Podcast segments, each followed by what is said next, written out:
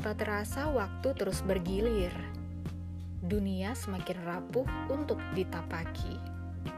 Usia pun semakin senja untuk dilalui. Berdamai dengan diri menjadi bumerang tanpa henti.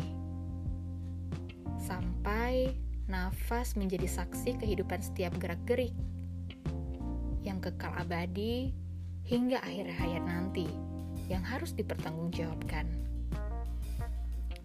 Ramadan tahun ini dari rasanya persis mirip dari tahun-tahun sebelumnya. Hanya saja suasananya yang ditambah sedikit berubah. Kalau menurut rasa dan suasana adalah dua hal yang beda tipis menurutku. Kalau rasa tetap sama, karena nggak ada yang istimewa ditambah sosok baru yang hadir tahun ini. Hmm. Ya tapi gak apa-apa. Mudah-mudahan tahun depan udah ada yang mau barengan ya. Selain itu, suasananya yang benar-benar beda.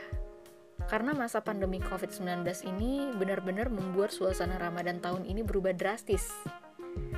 Karena kan masih harus patuh ya sama kebijakan pemerintah, harus karantina mandiri di rumah masing-masing supaya nggak mencemar, dan dicemari wabah COVID-19. Ke mana-mana wajib pakai masker, jaga kebersihan, dan mau nggak mau harus mengubah pola hidup juga kan? Eh, sadar nggak? Dengan kegiatan manusia yang tadinya kurang damai dengan alam dan kehidupan dirinya, otomatis membuat kita itu menjadi pribadi yang lebih peduli lagi kan sama diri sendiri. Contohnya aja nih, dari yang jarang cuci tangan, malah dengan adanya wabah COVID-19 ini, sekarang malah rutin cuci tangan. Yang tadinya sering kontak fisik, malah sekarang harus physical distancing. Tanpa disadari ya, aktivitas seperti biasanya itu berubah drastis sekarang.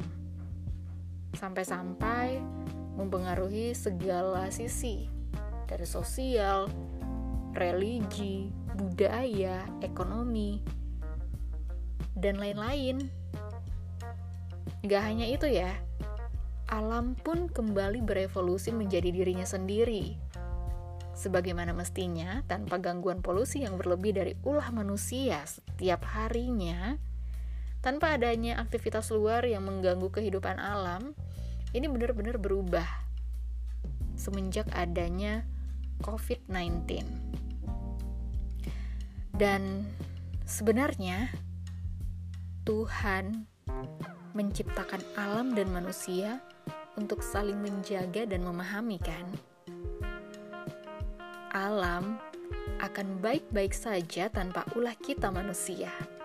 Dan manusia pun begitu sebaliknya.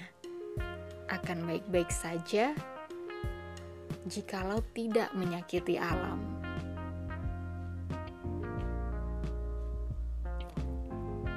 Itulah kita jaga alam, maka alam akan jaga kita.